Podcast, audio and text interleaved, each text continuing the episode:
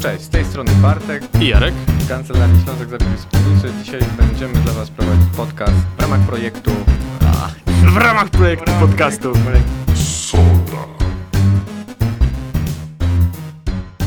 Cześć, witajcie. Z tej strony Jarek. I Bartek. Prawnicy z Kancelarii Adwokatów Radców Prawnych Ślązak Zapieli Wspólnicy z Katowic.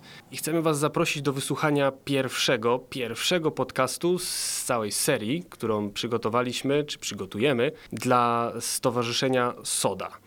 E, W ramach tego projektu będziemy rozmawiać na tematy prawne, istotne z punktu widzenia software house'ów.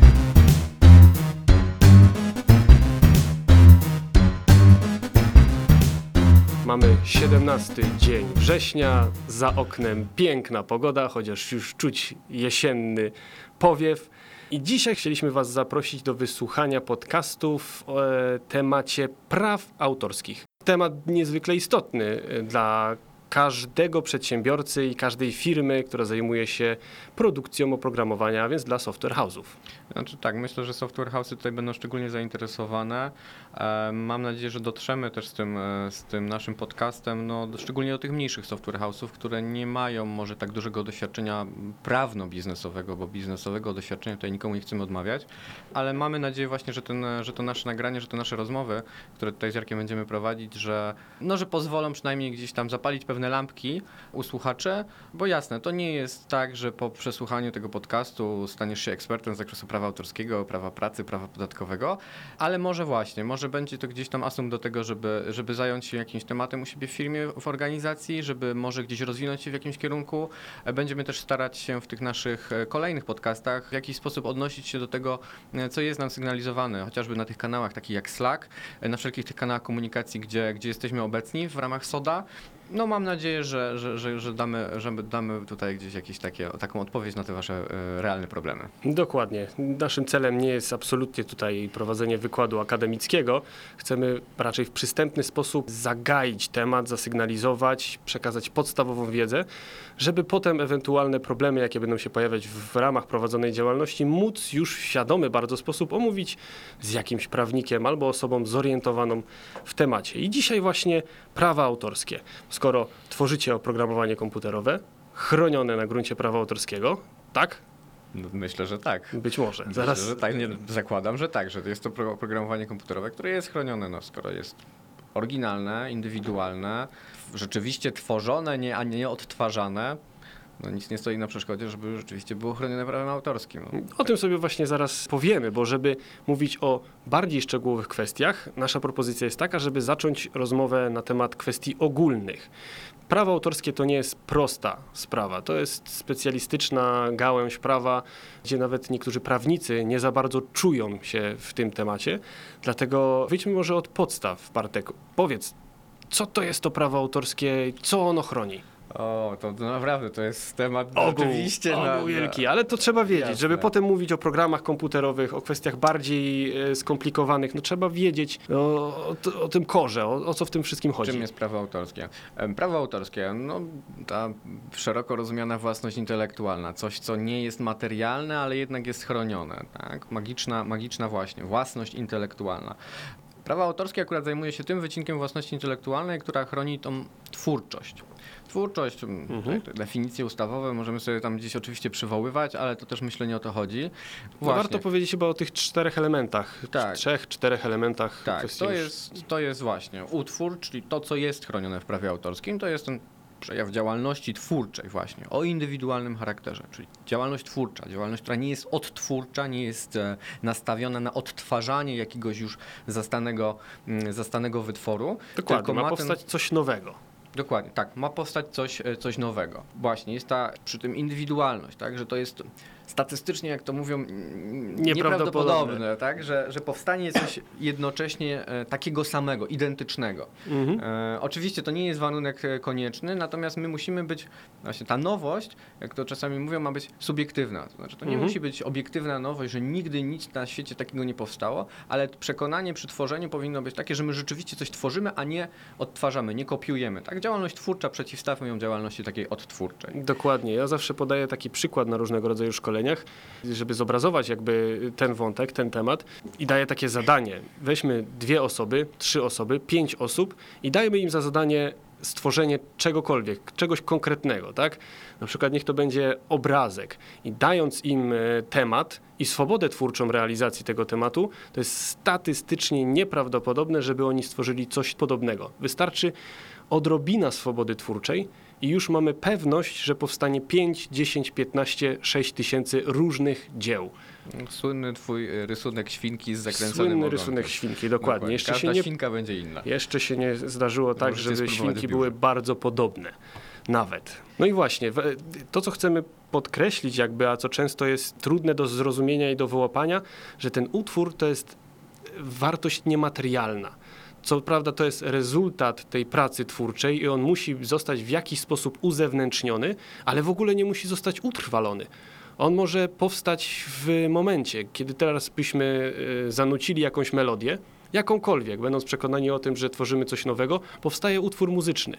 Gdyby nie był ten podcast nagrywany, Nagrywany. ten utwór powstałby i istniałby tak długo, y, jak ktoś o nim pamięta. Tak? Bartek Dokładnie zapomniałby tak. za 5 minut, y, No, no ale inna sprawa. ale to jest inna sprawa.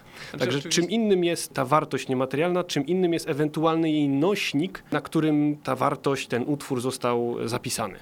Oczywiście w przypadku oprogramowania komputerowego no, to utrwalenie najczęściej powstaje, no, nikt nie deklamuje tutaj linii kodu. E, jeszcze o tym właśnie, co tam chronione jest e, tak naprawdę w Co za chwilę powiemy, co jasne. Za chwilkę powiemy, ale rzeczywiście no, nikt, nikt sobie tutaj e, jakby nie, nie, nie deklamuje, tak jak powiedziałem, tych linijek, więc rzeczywiście powstaje jakiś tam nośnik materialny, ale właśnie istnienie oprogramowania nie jest zależne od istnienia tego nośnika. Jeżeli coś Mhm. zapiszemy na przykład na tej tablicy zma- zmazywalnej w ramach jakiejś tam, e, jakiegoś tam spotkania, to nie znaczy, że w momencie, kiedy tą tablicę e, ktoś tam po spotkaniu nam zmazał, że tego utworu już nie ma, tak? Bo on, póki, póki jesteśmy w stanie go otworzyć w takiej formie, to on cały czas jest tym samym utworem i cały czas jest chroniony. To są oczywiście jakieś takie skrajne przypadki, ale myślę, że zrozumienie tej podstawy jest, e, jest ważne, żebyśmy mogli gdzieś tam ruszyć sobie dalej w tym temacie. Mhm. Pamiętajmy też, że nie ma skończonej liczby utworów, czy rodzajów utworów, kategorii utworów. Co prawda ustawodawca funduje nam katalog w ustawie, co może być utworem, wymieniając utwory literackie, plastyczne, graficzne, muzyczne, filmowe itd., itd. Niemniej jednak jest Lutnicze. to lutnicze również. Niemniej jednak jest to katalog otwarty, także znajdzie się miejsce dla każdego tego wytworu, który tylko spełniać będzie przesłanki twórczości, indywidualności. I właśnie, i kolejną jeszcze przesłanką, o której musimy powiedzieć, no to jest właśnie kwestia tego, kto, kim, kim jest twórca i kto może w ogóle stworzyć utwór, tak? No, tam otóż jest to. przejaw działalności twórczej, no to jest działalność oczywiście człowieka. Dzisiaj może jeszcze nie jest to taki duży problem, nie jest to problem może jeszcze globalny, ale e, no, wierzymy, że gdzieś perspektywa twórczości stworzonej przez algorytm, tak? Mhm. Algorytm tworzący algorytm, e, no to jest jakaś perspektywa przyszłości. A to się już dzieje. To się już tak dzieje naprawdę. oczywiście. Natomiast tak jak mówię, może to nie jest jeszcze, jeszcze taki problem czy zagadnienie globalne, natomiast e, rzeczywiście gdzieś tam, gdzieś tam musimy się powoli zacząć mierzyć z tym tematem. E, Niemniej, no, prawo autorskie w, obecnym, w obecnej formie, w takiej jakiej my je znamy, no zresztą to, to, to, to jest jeszcze inna kwestia, że prawo autorskie wcale tak stare nie jest, tak? Z punktu widzenia oczywiście prawników, bo tutaj jakby to też inna perspektywa. Niemniej e, rzeczywiście w tej formie, w której my je znamy dzisiaj, no ono promuje tylko twórczość człowieka. Mhm. Tak? To człowiek jest twórcą, e, człowiek będzie pierwotnie, co do zasady, pierwotnie uprawniony z tytułu praw autorskich. I właśnie, tylko człowiek może stworzyć utwór w kontekście tutaj oprogramowania chronionego prawem autorskim, tylko człowiek może stworzyć takie oprogramowanie. Mhm. Temat oczywiście gdzieś tam algorytmów tworzących oprogramowanie i tak dalej. Myślę, że to jest temat w ogóle na osobną jakąś taką naszą krótką rozmowę. E, no to Dokładnie. w przyszłości, jeżeli będziecie chcieli nas słuchać dalej, to Na to, pewno to się myślę, nad tym pochylimy, bo rozwój e, szeroko pojętej sztucznej inteligencji to już nie jest kwestia science fiction, to się dzieje, dzieje się w nieprawdopodobnym tempie. Ale wracając jeszcze do tego, bo dla niektórych mogłoby się to wydawać oczywiste, że tylko człowiek może stworzyć utwór, ale w praktyce, w orzecznictwie nawet, pojawiały się sytuacje, gdzie na przykład zdjęcie wykonane przez zwierzaka, słynna małpa, która sobie zrobiła selfie, albo obraz namalowany przez słonia w Indiach, rzeczywiście wywołał kontrowersję. Czy to jest utwór chroniony prawem autorskim, a jeżeli tak, to prawa autorskie przysługują temu zwierzakowi, jego właścicielowi, czy komu? wchodzi to do domeny publicznej, jest chronione, nie jest chronione i takie sprawy kończyły się nawet w sądach. A niedawno producent muzyczny, niejaki Amper, wydał całą płytę no, popową, elektroniczną, e, która normalnie została opublikowana, została wydana, po czym okazało się, że Amper to właśnie program komputerowy, sztuczna inteligencja, która czerpiąc z jakichś zapisanych algorytmów, wyprodukowała muzykę. Generowała muzykę. Nie do odróżnienia od muzyki produkowanej przez człowieka. Także i- temat jak najbardziej Tak, wtedy pojawia Jest się pytanie istotny. właśnie, czy, czy jest tam w ogóle gdzieś w tym wszystkim twórca, czy twórca algorytmu, ale to tak jak sobie mówimy, to jest temat na naprawdę szerszą dyskusję. No otóż to. Okej, czyli twórcą jest człowiek, który ten utwór wykonał, tak? I tutaj zwracamy uwagę na jedną rzecz, mm, dosyć istotną, a w praktyce zauważyliśmy, że to często się pojawia. Bycie twórcą, powstanie utworu to jest kwestia faktu. To nie jest kwestia umówienia się z kimś, słuchaj, robimy to razem, ale ja będę twórcą, albo ty to zrób za mnie, ale podamy, że ja jestem twórcą. Tak. To tak nie działa.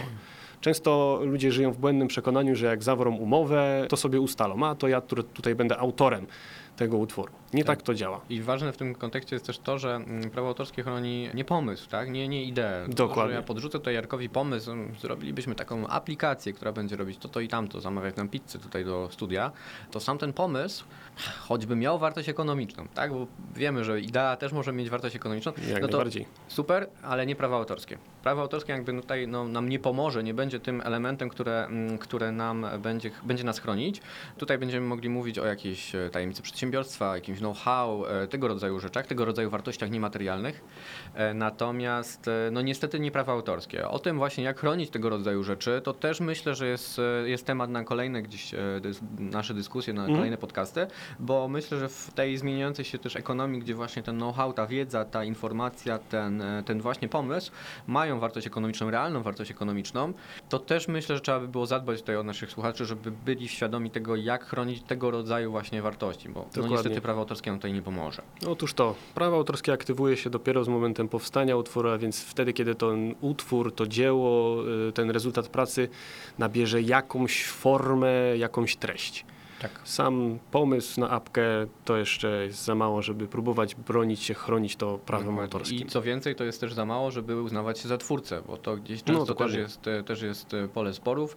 E, Ktoś, kto miał świetny może i pomysł i tak naprawdę wynajął sobie kogoś do stworzenia, znaczy do z, z, z, urzeczywistnienia tego pomysłu w formie właśnie oprogramowania kodu, no pojawił się spór, tak, czy kto tu jest twórcą? Mhm. Czy ja, który wymyśliłem, czy ty, który napisałeś, czy też razem stworzyliśmy ten utwór. tak? Dokładnie. To nie jest wcale takie proste, takie myślę y, jasne, natomiast, y, natomiast z punktu widzenia prawa autorskiego no jednak jednoznaczne. Tu konfiguracji w ogóle może być e, mnóstwo i rzeczywiście w praktyce zdarza się sytuacja, gdzie właściciel software house'u jest tym mózgiem, który rzeczywiście odpowiada za myślenie jakby i wymyślanie. Dyrektor kreatywny. Dyrektor kreatywny, który jednak nie klepie w klawiaturę i teraz y, on zleca swoim pracownikom, współpracownikom, podwykonawcom napisanie konkretnego kodu według jego założeń, które on przekaże w sposób ustny, na jakiegoś rodzaju, w jakiegoś rodzaju notatkach itd., itd. I pojawia się pytanie, kto w tym przypadku, w tej konfiguracji jest tym rzeczywistym twórcą? Czy mamy do czynienia ze współtwórczością, czy ten programista, który jakby przelewa, nie na papier, ale przelewa te myśli y, swojego klawiaturę. szefa na klawiaturę, on staje się tylko narzędziem w rękach tego, Tego, w- tak. twórcy idei, twórcy pomysłu. Mózgu, Czy to za mało? Dokładnie, mózgu, mózgu państwa. Em, nie no, tutaj rzeczywiście ja to, ja to często też studentom gdzieś tam tłumaczę właśnie, gdzie jest ta granica mm, między tym, a gdzie właśnie ta instrukcja jest bardzo sprecyzowana, tak? Ja Mhm. instruuję na przykład Jarka, że Jarku, tutaj jedziemy z taką taką komendą, tak? To Mhm. jest zupełnie inna rozmowa, a jeżeli to, jest, to są pewne założenia, tak? pewna idea właśnie, po, pozostajemy na, w sferze założeń, chciałbym mieć coś, co ma taką, taką, taką funkcjonalność na przykład, a już jak ty to zrobisz, szczerze mnie to nie interesuje, tak? Naklep to te 40 godzin tam poklep w tą No to klawiaturę. kto, kto w tym wypadku będzie twórcą? W tym wypadku ten, kto naklepał to na tej klawiaturze. Dokładnie, czyli możemy zrobić ten test swobody twórczej, o której mówiłem. Jeżeli szef zleca dwóm programistom, napiszcie mi tak, tak, tak, mamy pewność, że napiszą to w inny sposób. Jasne. Nie ma możliwości, żeby kod powtórzył się, przy najprostszej nawet apce, żeby kod powtórzył się. Gdzieś tam fragmenty linijki na pewno się powtórzą. Może być używany ten sam język programowania, Tak. tak. który posługuje się pewnego rodzaju utartymi już schematami w pewnych kwestiach. No ale właśnie, czy takie utarte schematy, czy ten język programowania, czy poszczególne komendy, to one będą chronione prawem autorskim? E, No nie, technologia sama w sobie, no to jest trochę jak mm, e, takie dyskusje. Oczywiście musimy pamiętać, że, że prawnicy jakby oprogramowaniem też się zajęli tak naprawdę dopiero niedawno. Ja sobie to zawsze tak przykładam, że e, ta technologia to jest trochę jak ta maniera twórcza, styl twórczy. E, To nie styl, nie maniera, e, nie te ograniczenia techniczne, e, Mhm. tylko to właśnie w jaki sposób my wykorzystujemy, bo e, nawet jeżeli mamy jakieś, nazwijmy to w cudzysłowie oczywiście klocki, tak, z których sobie składamy, jak, jak klocki Lego. Pamiętamy z dzieciństwa, niektórzy nawet nie tylko z dzieciństwa, tak tutaj mrugamy do siebie, e, pamiętamy, że, że, że te klocki Lego no przecież w jakiś sposób zdeterminowane pozwalały nam na rozbudzenie naszej kreatywności w sposób nieograniczony. Tak naprawdę zamki statki kosmiczne, co tam tylko kto budował, ta twórczość właśnie kwitła. Więc to, że my jesteśmy ograniczeni jakąś technologią, jasne, to ogranicza swobodę naszej twórczości, ale tam, gdzie ona będzie, choćby w minimalnym stopniu, tam, gdzie my te klocki, tak, te, te linijki kodu jesteśmy w stanie w jakiś tam sposób e, swobodnie przestawiać, łączyć, tworzyć pomiędzy nimi pomosty, tak, w cudzysłowie oczywiście cały czas, e, to tam mamy obszar twórczości, tam mamy prawa autorskie, które nam z tym, e, z butami, że tak powiem, wchodzi. Tak? Otóż to. No też ważna kwestia zawsze mm, powtarza się, że chroniony jest utwór jako całość, oczywiście, ale przede wszystkim jego twórcze fragmenty. Czyli nie te znane już komendy, które są powszechnie używane, właśnie technologia, język programowania. Jakby te wycinki oczywiście nie są objęte ochroną i na nie nikt monopolu nie dostanie. Natomiast fragmenty twórcze, jak i całość, jak najbardziej może podlegać ochronie prawno-autorskiej.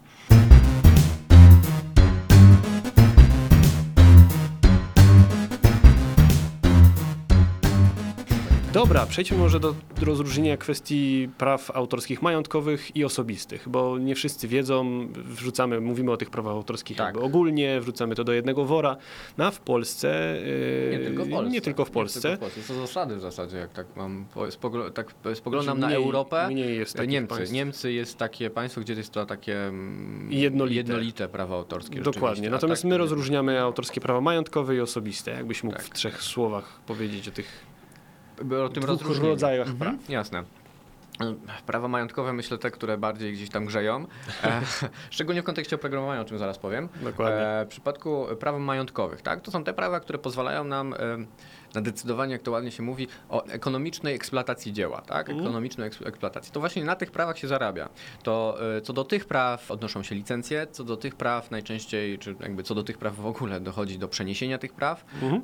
to te prawa pozwalają nam na to, żeby ten utwór zwielokrotnić, rozpowszechnić, tak? To są te takie dwa bazowe tak naprawdę obszary. W przypadku oprogramowania komputerowego, które ma swoją specyfikę, bo to korzystanie z utworu, tak? To, to Mhm. pole, o którym, którym się zajmuje prawo majątkowe, którym się zajmują prawa majątkowe, to jest to ten obszar korzystania z utworu, czyli tak naprawdę bądź jego zwielokrotniania Mhm. w jakichś tam technicznych formach, to tak zwane pola eksploatacji, o których na pewno słyszeliście, a z drugiej strony jest to rozpowszechnianie, jakieś tam znowu techniczne formy, przez internet, tak, nadawanie, wyświetlanie, no Pewnie. multum, multum form technicznych, tak? Nie będziemy w to wchodzić w tym momencie.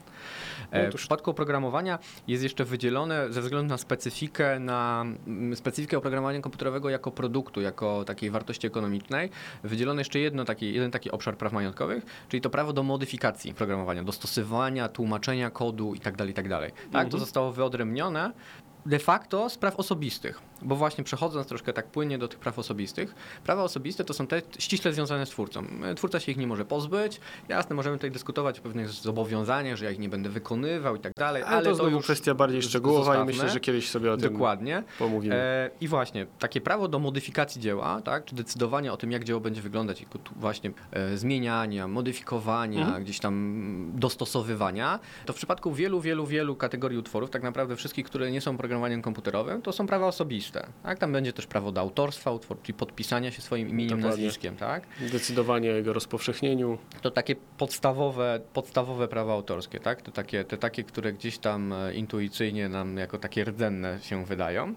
No to właśnie, to prawo osobiste zostało przetransponowane do tych praw majątkowych i stało się właśnie obok, powtórzę jeszcze, żebyśmy mieli tutaj jasność, prawa majątkowe w przypadku oprogramowania, czyli zwielokrotnianie, tak, ten obszar cały zwielokrotnianie, rozpowszechniania, ale też właśnie modyfikowania, dostosowywania, tłumaczenia, jak to ustawa nam mówi. Natomiast prawa osobiste, znowu myślę, ograniczmy to do e, oprogramowania komputerowego, bo tam są wyłączenia przecież, to jest w zasadzie prawo do autorstwa utworu. To znaczy, Dokładnie. że twórca podpisuje się pod tym swoim imieniem, nazwiskiem. Jasne? Tak jak mówimy sobie, jest możliwość gdzieś tam dogadania się z tym twórcą, że on się troszkę schowa gdzieś tam w cień i tak dalej, ale to jakby są już kwestie jakichś porozumień między tym, kto jest producentem tak, tego oprogramowania, kto łoży na to środki, a tym, kto rzeczywiście jest twórcą, napisał kod. Otóż to. Zadajcie sobie pytanie, czy wy podpisujecie produkowane przez siebie aplikacje. Najczęściej y, podpisany jest jego producent albo wydawca, Dokładnie. a nie Kowalski Jan, który klepał w tę klawiaturę i który Tak. rzeczywiście jest tym twórcą Tak. i nim będzie y, na wieki Dłuższe wieków. Czasy, dokładnie. I żadna, żadna umowa tego nie zmieni. I, I tutaj warto by było też właśnie gdzieś tam sobie zrobić taki rachunek sumienia, może na ile my dbamy właśnie o ten bardzo wąski wycinek oczywiście w przypadku, e, w przypadku tych prac programistycznych, Mhm. e, bardzo wąski wycinek praw osobistych, ale czy my w ogóle się nad tym zastanawiamy, bo to nie jest tak, że one nie istnieją. To jest ta sfera, gdzie, gdzie, gdzie powinniśmy zadbać, tak, w naszych umowach, w naszych porozumieniach z naszymi partnerami, bo jeżeli tam jest tylko nasze logo, jeżeli jest tylko, tylko nasza marka, a nie ma właśnie tego rzeczywistego twórcy, nie ma tych kredytów, tak, no, to, Mhm. no to, to tutaj jest jakieś tam ewentualne pole do, e, do uznania tego za naruszenie. Tak? Ja nie mówię, że tutaj od razu wszyscy się tacy twórcy zgłoszą, bo to. Na to pewno jest, nie, no specyfika jednak tej branży narzuca pewne, pewne rozwiązania, natomiast Prawa im przysługują. w teorii jakby taka sytuacja jest możliwa. Jeśli chodzi o tę dbałość o uregulowanie kwestii prawno-autorskich w różnego rodzaju relacjach przez software house'y, tak w stosunku do klientów, jak i swoich pracowników czy podwykonawców, Różnie no z tym to bywa. bywa bardzo różnie. No a ten podcast właśnie ma zmotywować e, wszystkich, którzy będą zainteresowani wysłuchaniem tych kilku minut, żeby jednak może się nad tym pochylić i, i, i trochę działać trochę lepiej niż większość. Większość, tak, zdecydowana większość, jasne. Dobra, słuchajcie, myślę, że w tym momencie byśmy zakończyli pierwszy odcinek naszego podcastu. Oczywiście temat nie został wyczerpany. Już możemy zasygnalizować, że dalej będziemy sobie rozmawiać na tematy prawnoautorskie. Tak, my, się, my się stąd nie ruszamy. My się stąd nie ruszamy, a niebawem myślę będziecie mieli okazję posłuchać drugiej części, w której będziemy kontynuować rozmowę na temat prawnych aspektów istotnych z punktu widzenia działalności Software House. Tak, prawo autorskie. Także za dzisiaj dziękujemy Dziękuję. i do usłyszenia.